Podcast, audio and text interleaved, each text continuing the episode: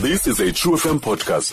She was an undergrad student uh, at Monash University, Wenza, a psychology and criminology degree. Uh, she started her career yake back uh, in uh, 2010 when she had uh, a small part in four plays, uh, Sex Tips for Girls. Uh, waqhubekeka again in 2011 wapresenta an SABC educational show, The Media Career Guide. Um, she's gone on to host the show as Fana No Zonde with Umpo Mimbet on SABC 1. Uh, she's uh, also presented Turn It Out, a dance competition. She was on the Comedy Roast Central of Ukeni Kunene. She's uh, uh, presented awards at the 19th and 20th South African Music Awards. She was also a presenter of Club 808. 2012, 2013, she was voted South Africa's most sexiest woman. So much so is she into fitness. She has got her own fitness line where she helps you come through, tone, and get your body in shape, man.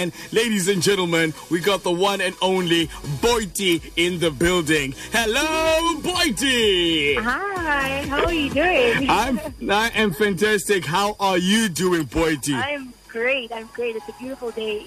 It's a beautiful day for us too because we've got you on the show, man. Boity, um, it's about uh, eight years that you've been in the industry, right?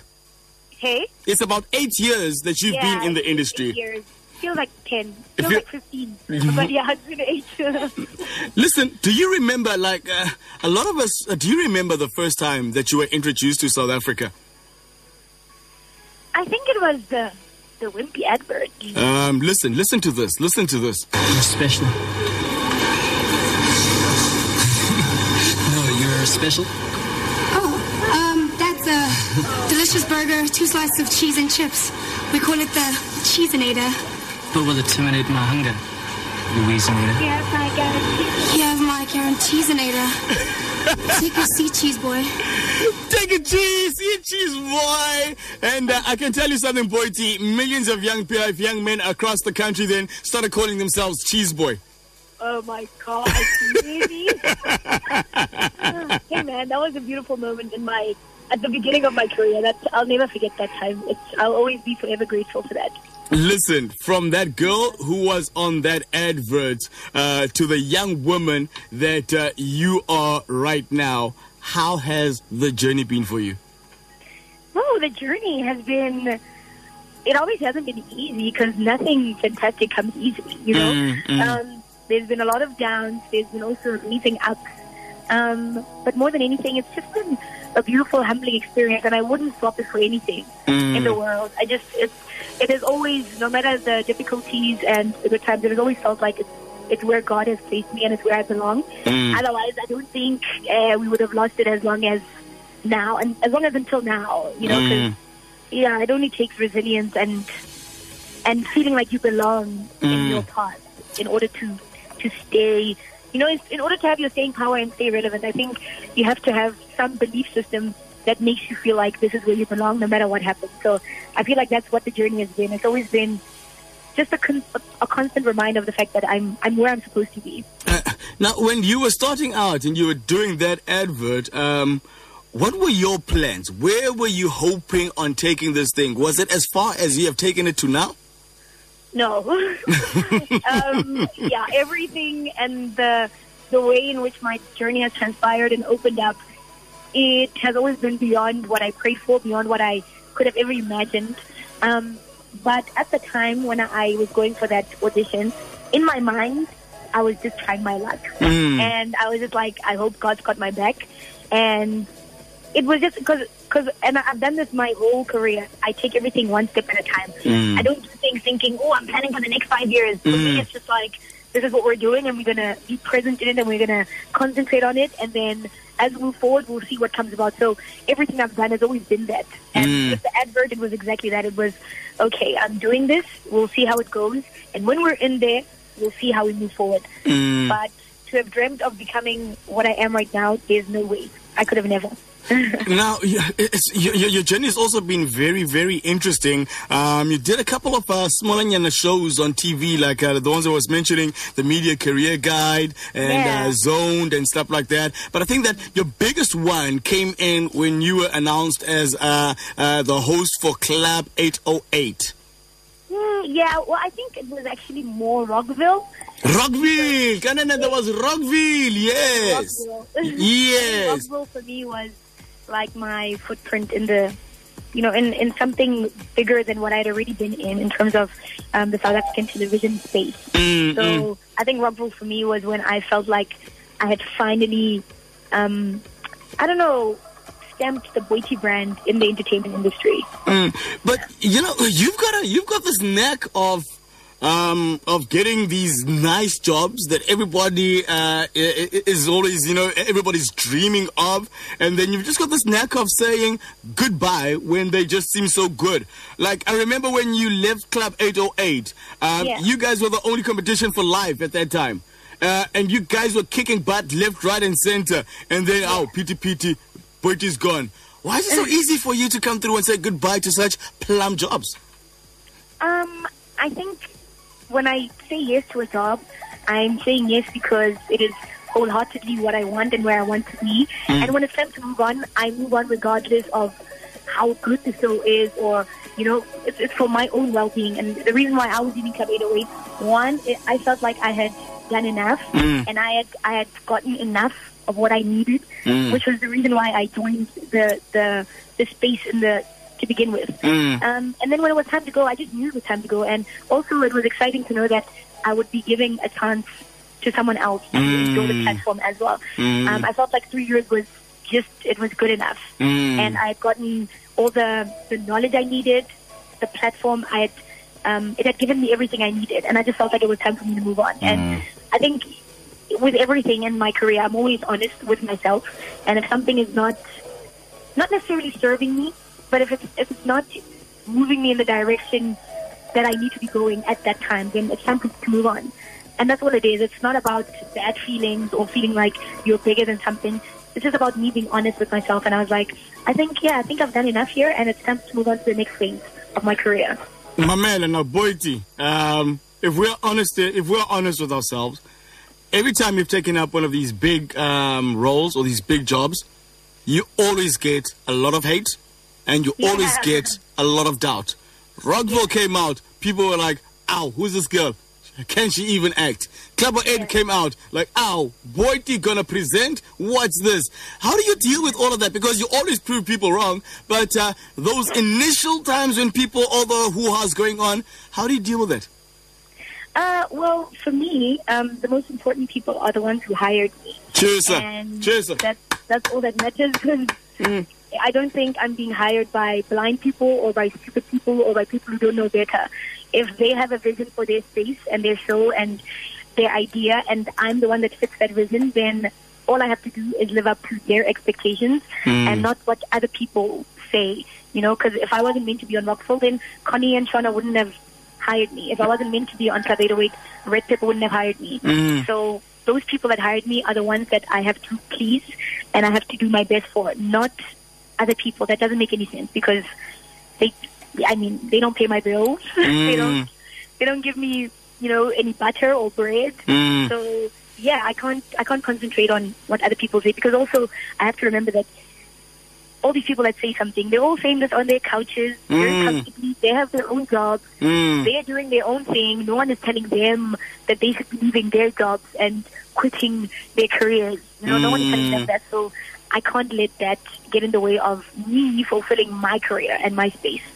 Now, from Boity the superstar to Boity the entrepreneur, Boity toning support.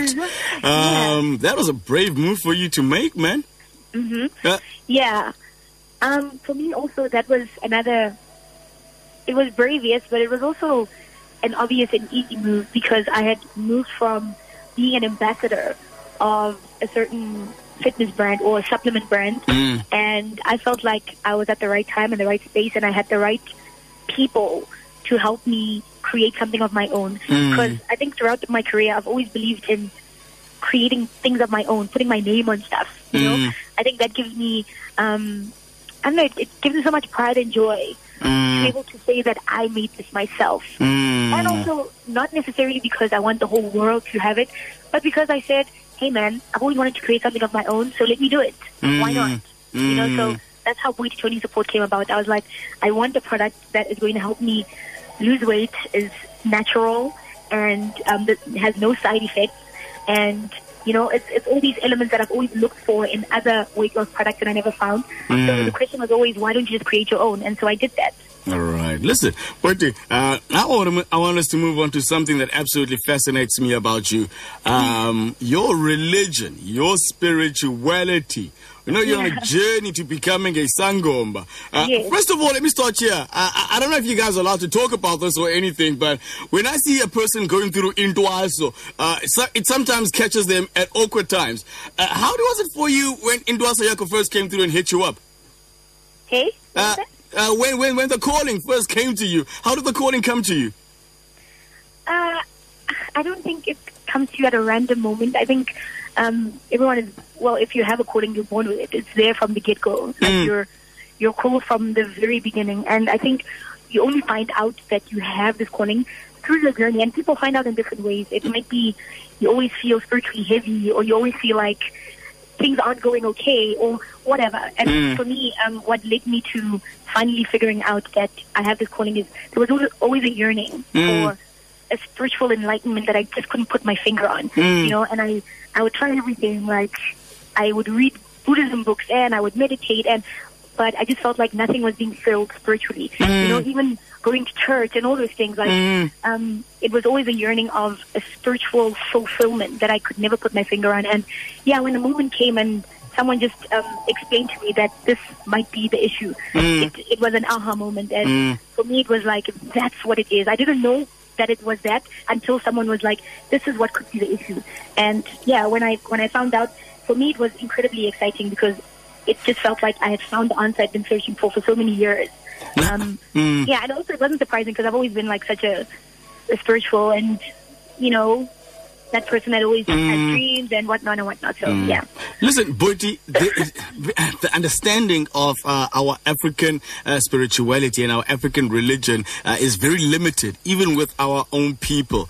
Um, there's been a lot of brainwashing. Uh, people who speak with their ancestors. There's even got these things in uh, churches called. Uh, they say that it's ancestral worship. It's demonic. Do people ever come through to you and say? Um, the reason why you're so successful is because we are tagat. You're using witchcraft because you are sangoming. People, do you ever get that? Uh, no, no one has ever come to my face and said anything like that. Um, but uh, of course, on Twitter, on social media, people have tweeted and said, "Oh, you're a sign Jesus. No, you're not okay. I'm sorry. Just go to church and they must pray for you, and you'll be fine." Um, yeah, people have. I've, I've read all of those comments, and um, I can't. I mean, people have are entitled to their own opinions, mm. but what I don't like is when people force others to believe in the way in which they believe. You mm. know, so it's either you believe in their way or in their religion, or you're absolutely discarded and you're a dark person, you're evil. So I just don't like that because mm. when I shared my spirituality, I wasn't saying, "Hey, all of you must go and be the ancestors." I was just saying, "Well, this is my journey, and I'm just sharing it to show those who have been wondering and those who are also on the same path that." It's it's well, it's beautiful for me, and it's incredibly enlightening for me. Mm. But I wasn't saying you must go to you know or oh, oh, you must go to mm. a sangoma. Mm. Yeah, you don't. I wasn't imposing my spiritual belief on people, which is strange because I find that a lot of other religious people impose their ways on other people, and if it's not their way, there's no other way. So it's just very disheartening. But ah, Listen, Boity, I was having a conversation with Ntsika from the soil earlier on this week, and we were talking about something like this um, uh, uh, as well. And, uh, uh, you know, in the Bible, King David comes through, and uh, whenever he's talking to his God, he'll talk about his ancestors. Uh, he'll say, You are my God, the God of Israel, the God of Isaac, the God of Jacob, you know, and he says that's where he gets his power. Do you think you connecting with your ancestors like this, this is something that has helped you to become a stronger person, more uh, insightful person? Absolutely. My spiritual journey has been like the highlight of my entire existence. It's, it's given me so much peace. It's given me so much. Um, I feel so rooted. I feel so aligned and at peace, and that's why I'm so proud to talk about it. And and I'm fearless to talk about it because I know how much I've gained mentally and spiritually. And I think people also the misconception is, oh, you're doing this because you just want money or you want nice things. No, for me it was I just wanted you know when you just feel spiritually unaligned. Mm. No way, no matter what you have externally, you'll have the cars, you'll have the money, you'll have whatever, but you just feel like there's something that's missing. There's like a big hole that you can't fill. For me, for to have that space filled and to feel like I'm okay no matter what is that's priceless, and that's what I gained from you know um, taking on this journey. Listen, but yeah, I, I wish we could have all day to talk about this, but unfortunately, our time is coming to an end. You need to tell, tell to me about Bazooka B right now. That's what you need to do. Boity is a rapper, ladies and gentlemen, and I was so surprised when you dropped the song. I, I, I just couldn't believe it. Yeah, I, I, I couldn't believe it. Uh, when, when did this rapping thing start? um, the journey started. Well, obviously, I've been wanting to do this probably I don't know how many years. Hmm. It's been a passion of mine for so long, and the people who are close to me, most of them were just like, "Oh, it's about time you did this finally," Hmm. you know, because they've seen me in that element and being. I don't know, like another side of me coming out when I'm in the element of rapping and enjoying mm. that space. So it was a very easy thing for me to do. Mm. Not easy in the sense that, yeah, I'm ready. But the decision to do it was easy because it's something I've wanted to do for so long. Mm. Um, but I had to be ready mentally, emotionally, spiritually, and I just had to have the right team to make sure that this is something I wanted to venture into without looking back. So, yeah, Wait, here we are. Boity, Yeah. was that the only reason why you dated Cassper? Oh, come on. I'm joking, I'm joking, I'm joking. All right. You're such a clown. Boity, uh, thank you very much for your time, man. We want to jam the song. Uh, listen, how do people keep up to date with Boity? I know you are busy. You are booked up until the end of September just from one single, Boity. One single. All you need is one hit. and it's a good song. So, I mean, hey, man. Yeah, it's a it kick-ass song. Yeah, those demons in your shit are really doing the thing, man. Listen, tell me, how do we get, get a hold of you? Where do we keep up the tabs with you, girl? Um, Instagram at Boity, Twitter at Boity, um, Facebook is uh, Boity Thulo with the it's the verified one because there's a lot of fake accounts, so the verified one. Yeah. Introduce the song for us, please, Boity.